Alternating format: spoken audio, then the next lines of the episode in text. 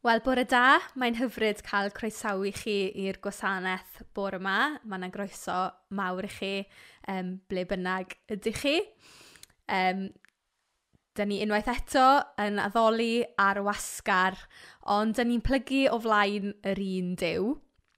A dwi eisiau darllen rhai adnodau o Salm 103 i chi bore yma fy enaid bendithia'r arglwydd, y cwbl ohonau bendithiau enw sanctaidd. Fy enaid bendithia'r arglwydd, paid anghofio'r holl bethau caredig a wnaeth. Ac ymlaen i adnod 13, fel mae tad yn caru ei blant, mae'r arglwydd yn caru rhai sy'n ei barchu. Ydy mae e'n gwybod am ein defnydd ni, mae'n cofio mai dim ond pridd ydyn ni, Mae bywyd dynol fel glaswellt. Mae fel blodyn gwyllt yn tyfu dros dro. Pa mae'r gwynt yn dod heibio, mae wedi mynd. Lle roedd gynt, does dim sôn amdano. Ond mae cariad yr arglwydd at y rhai sy'n ei barchu yn para am byth bythoedd. Mae yn cadw ei air i genedlaethau o blant, sef y rhai sy'n ffyddlon i'w ymrwymiod, ac sy'n gofalu gwneud beth mae e'n ddweud. Mae'r arglwydd wedi sefydlu ei orsedd yn y nefoedd ac mae'n teirnasu yn frenin dros bopeth. Felly gaich gwahodd chi bore yma i fyndithio'r arglwydd, gael wahodd chi i ddod o flaen dew, prynau ydych chi di arfer wneud na neu wneud yna am y tro cyntaf. Dewch o flaen dew, bendithiwch ei enw, eh, achos mae e'n frenin dros bopeth. Fel arfer, yng Nghaersalem ar fod i sil, mae ganddo ni fand yn arwain y canu. Yn amlwg, does dim modd i ni ddod â cerddorion at ei gilydd ar hyn o bryd, ond mae na rannau wedi i recordio o, o flaen llaw a dod â nhw at ei gilydd wedyn. Felly, dyn ni wedi cael Tora sydd arfer canu'r ffidil môr hyfryd yn y band ar fwrdd i sil uh, yn rhan o recordiad uh, raddoliad uh, bore yma. Felly, mae hynna'n hyfryd. Um, ac fe glywch chi offerynnau eraill hefyd hefyd, a backing track yw hwnna, does dim da fi drums ac ati yn cuddio yn y cwpwrth fan hyn yn y gegin. Felly, gael gwahodd chi nawr, jyst i godi gyda ni i gannu ble bynnag ydych chi yn eich cegin, yn eich lolfa, yn eich stafell wely hyd yn oed, um, ymunwch gyda ni i addoli'r diw Byw.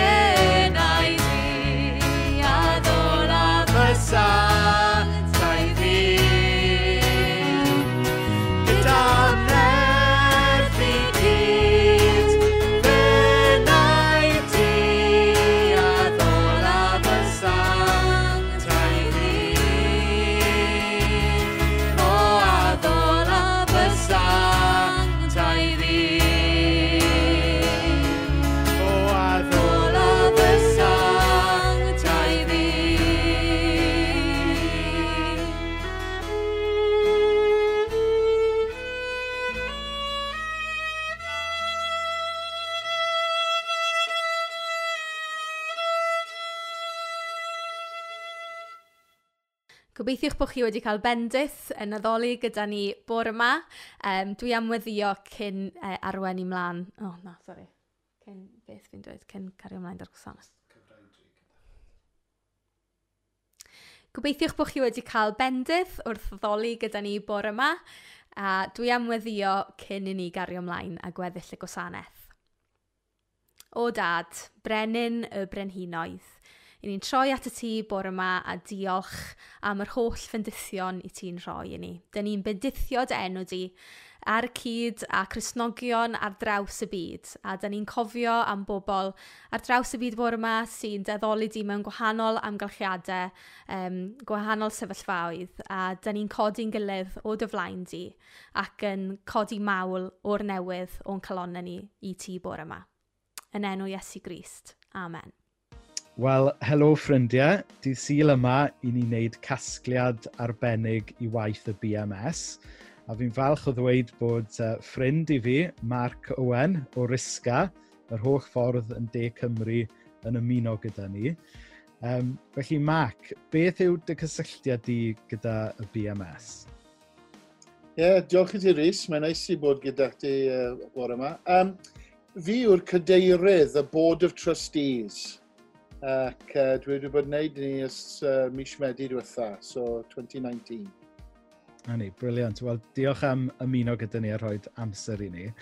Yng nghanol yr amser yma lle mae pawb obviously yn meddwl am i tilio i dre, um, o'n i fel eglwys yn meddwl bod e dal yn bwysig bod ni yn cario ymlaen i, i drio cefnogi um, BMS a gwahanol elusennau eraill ac i ni gael y perspektif rhyngwladol o hyd hyd yn oed trwy mm yr amser yma ni'n byw ynddo. Um, ti eisiau rhannu rhywfaint ynglyn â um, sefyllfa BMS ar, ar hyn o bryd yng nghanol hyn?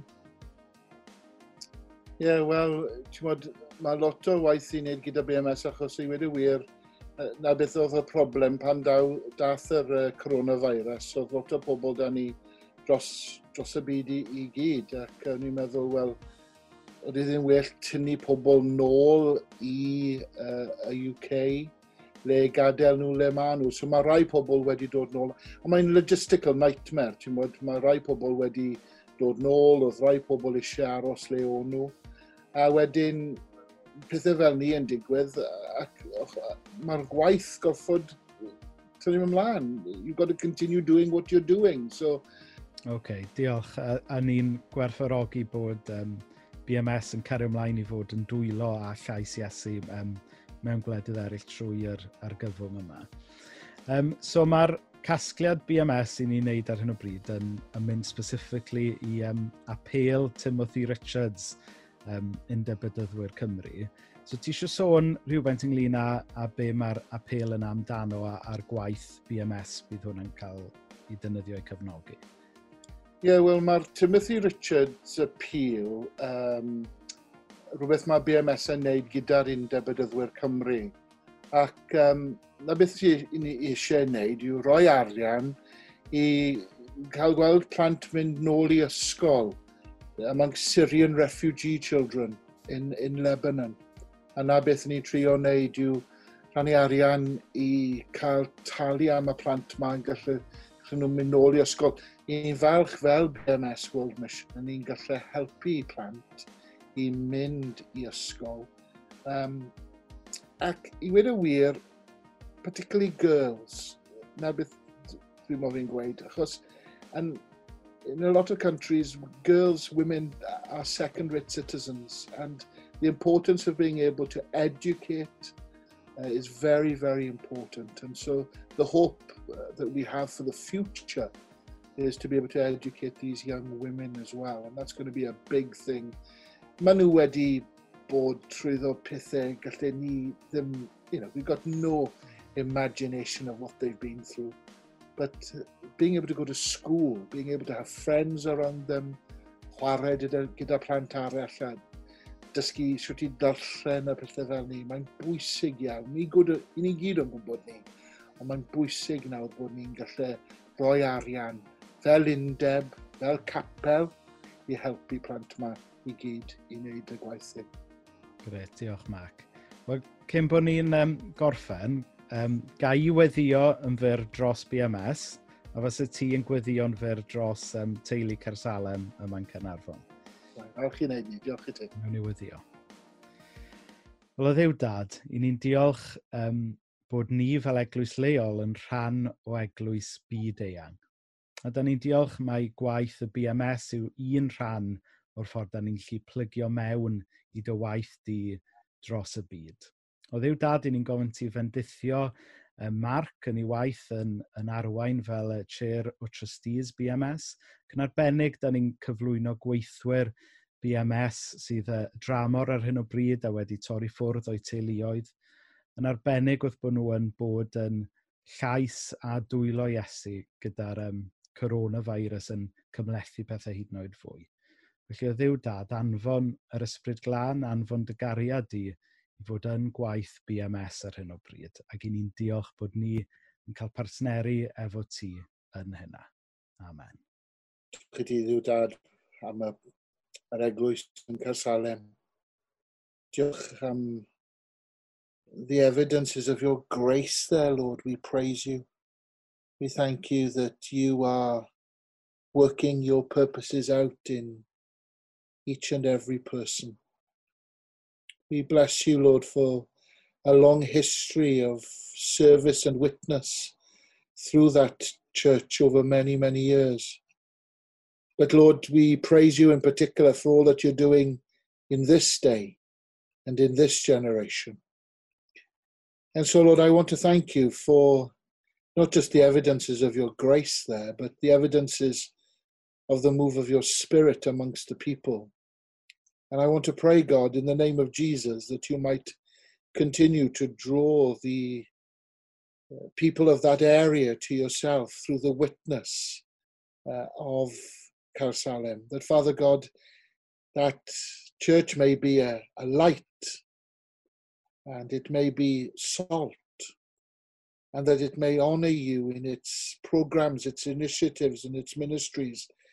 And so I pray for every person that is part of that church. Oh, bless them, Father. Bless them mightily. They may know the power of your Holy Spirit working in them and through them to your glory. that your church may be built up, and that you might be honoured and glorified. Yn i'n gofyn hyn yn yr enw'r arglwydd Iesu Grist. Amen. Amen. Mae'n dda cael cyfle i rannu am waith y banc bwyd yn yr oedfa ac i gynnig rhai awgrymiadau am ffyrdd y gall pobl helpu a gweddio dros y gwaith.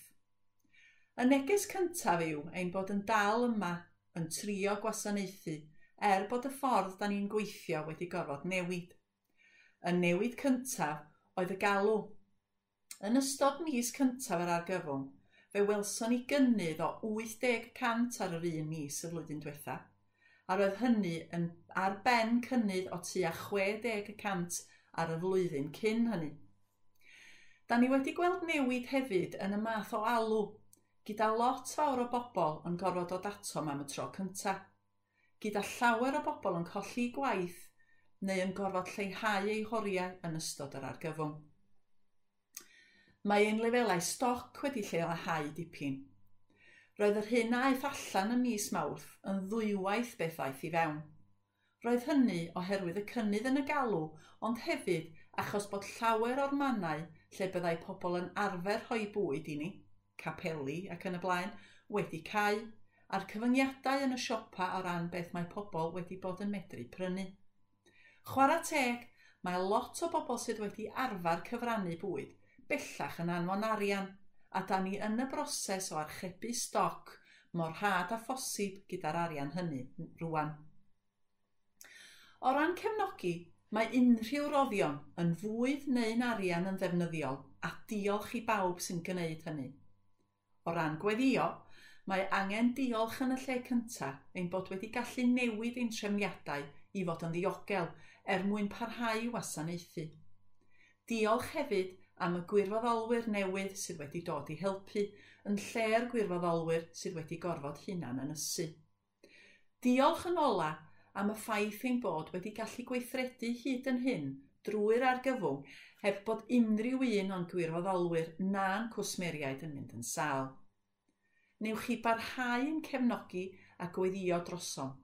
Y bydd pobl yn gweld cariad Iesu drwy'r hyn da ni'n ei wneud, a bydd pawb yn cael eu cadw'n ddiogel, ac y bydd ein arweinyddion yn gwneud penderfyniadau doeth fydd yn lleihau gymaint a phosib ar yr angen i ddod atom.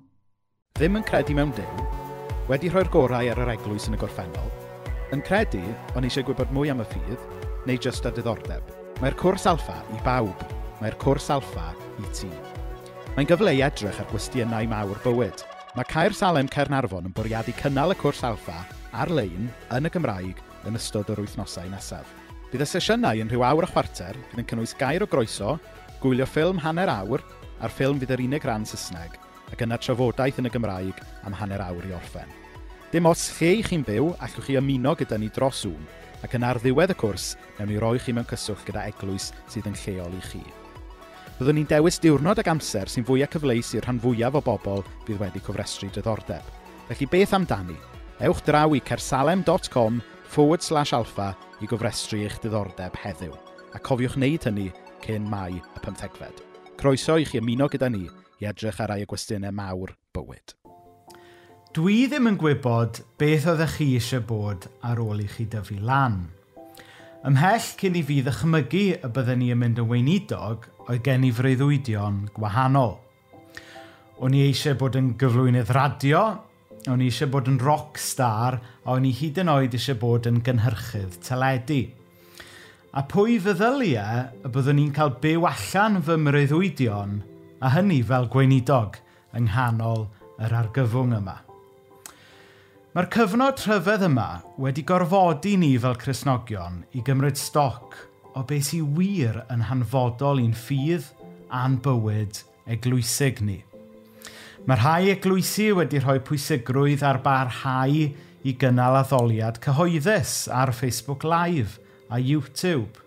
Eraill wedi rhoi'r pwyslais ar gynnal teulu'r eglwys mewn grwpiau fwy preifat ar bethau fel Zoom. Mae glwysi eraill, fel Cersalem, wedi trio'n gorau i wneud rhywfaint o'r ddau.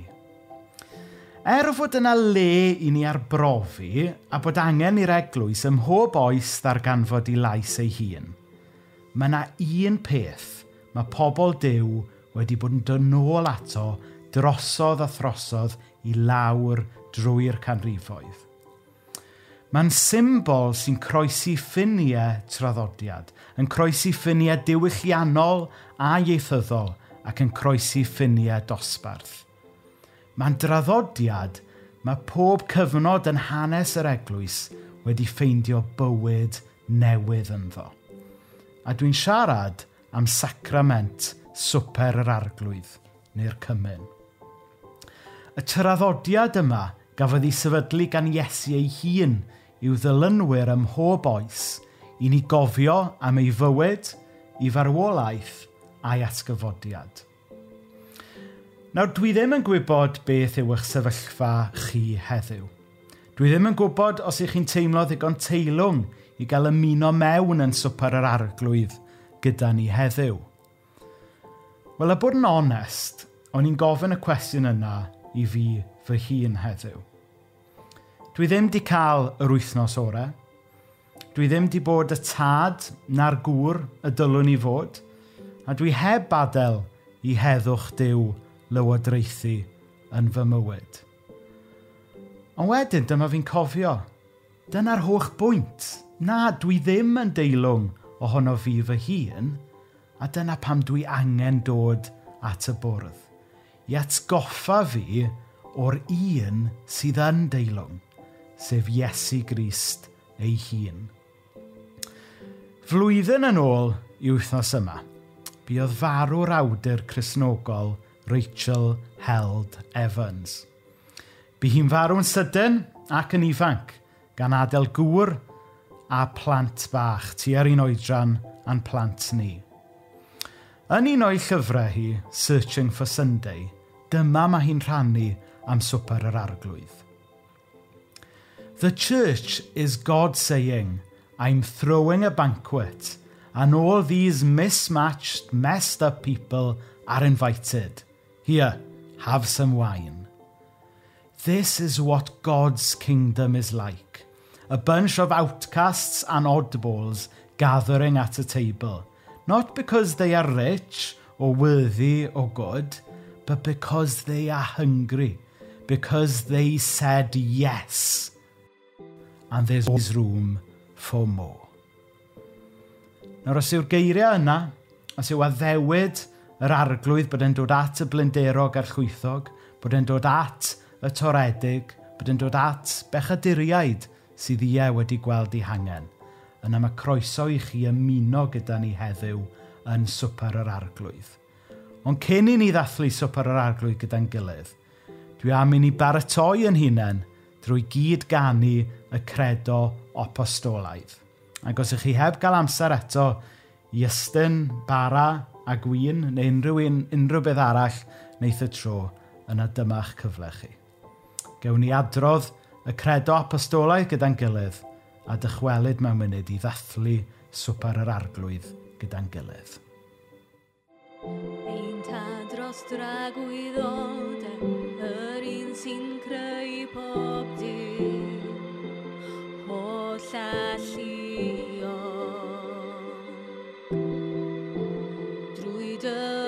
Dit Sanktheit kan het leist Christe man. Yes, in guare tu.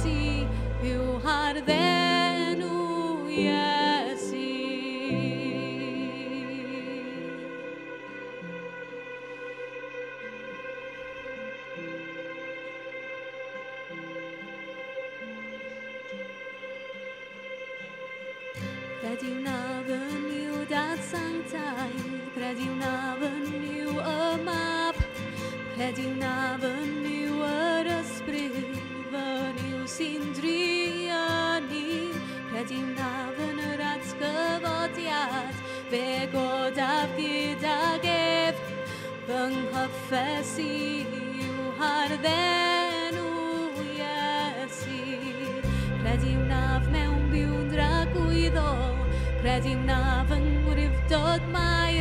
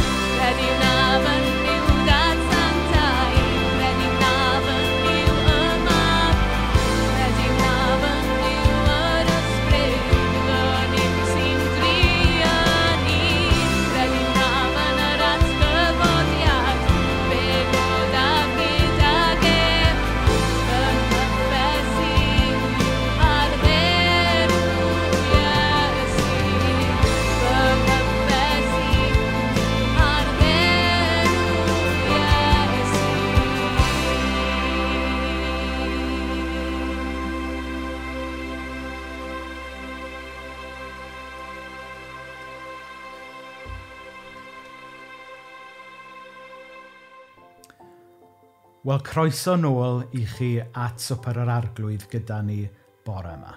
Gadewch i ni blygu pen mewn gweddi. O ddiw dad, cyn i ni droi at y bara a'r gwyn nawr, gad i ni gyd yn dawel i ni'n hunain, gyfaddau, cyffesu, dweud sori am y beiau a'r pechodau sydd yn yn bywyd. Ond i ni'n diolch yn bod ni'n cael dweud sori o flaen y dew sydd wedi maddau pechodau ddoi, heddiw ac yfori. Felly er yn bod ni'n dod at y bwrdd yn anheilwng, i ni'n diolch fod marwolaeth Iesu ar y groes yn yn cyfru ni yn deilwng trwyddo fe. Amen. Nawr, ar y nos iau ar wythnos y Pasg, fe nath Iesu Gris sefydlu swper yr arglwydd. A dyma sut mae'r hanes yn mynd yn efengil lyc. Yn gynnar y noson honno, eisteddodd Iesu wrth y bwrdd a'i apostolion gyda gef. Meddai wrthyn nhw, dwi wedi edrych ymlaen yn fawr at gael bwyta'r swper pasg yma gyda chi, cyn i mi ddioddef Dwi'n dweud wrthoch chi y byddai ddim yn ei fwyta eto nes i'r cwbl gael ei gyflawni pan ddaw dew i dernasu. Yna cymerodd gwpan o win. Adrodd gweddio ddiolch ac yna dweud wrth ei ddisgyblion. Cymerwch hwn a'i rannu rhyngoch. Ac felly, i ni yn cymryd gwyn fel symbol o waed yr arglwydd Iesu Grist.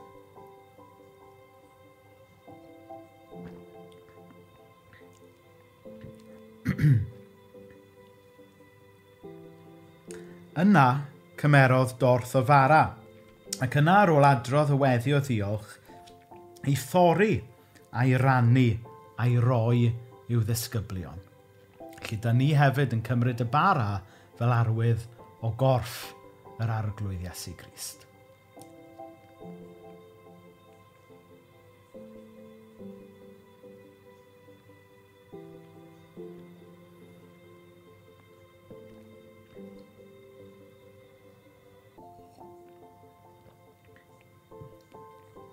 gadewch i ni blygu pen mewn gweddi eto. O arglwydd Iesu Grist, ni'n diolch i ti fod y bara a'r gwyn yn atgoffa ni ynglyn â'r aberth ys di trwyddo, er mwyn i ni gael myddeiant ac er mwyn i ni gael bywyd. O ddew dad wrth i ni ddod at y bwrdd yma gad i ni ddarganfod y bywyd newydd yna yn o ti. O ddew dad, i ni'n diolch am dy gariad i ata ni, Ac yn arbennig i ni'n diolch fod yna fodd i ni orffwys a hyd yn oed dathlu yno ti, hyd yn oed trwy'r hyn i ni'n brofi ar hyn o bryd. I ni'n diolch yn bod ni fel dy bobl di ymhell ag agos, bob gwlad a phob iaith yn gallu uno gyda'n gilydd yn yr iaith gyffredin yma, iaith y bara a'r gwyn, a dathlu beth wyt ti wedi wneud a beth wyt ti i ni. Amen. Felly diolch i chi gyd am ymuno gyda ni bore yma a gewn ni orffen yn oedfa bore yma drwy ganu emyn cyfarwydd. Diolch i ti yr holl alluog ddew am yr efengil. Amen.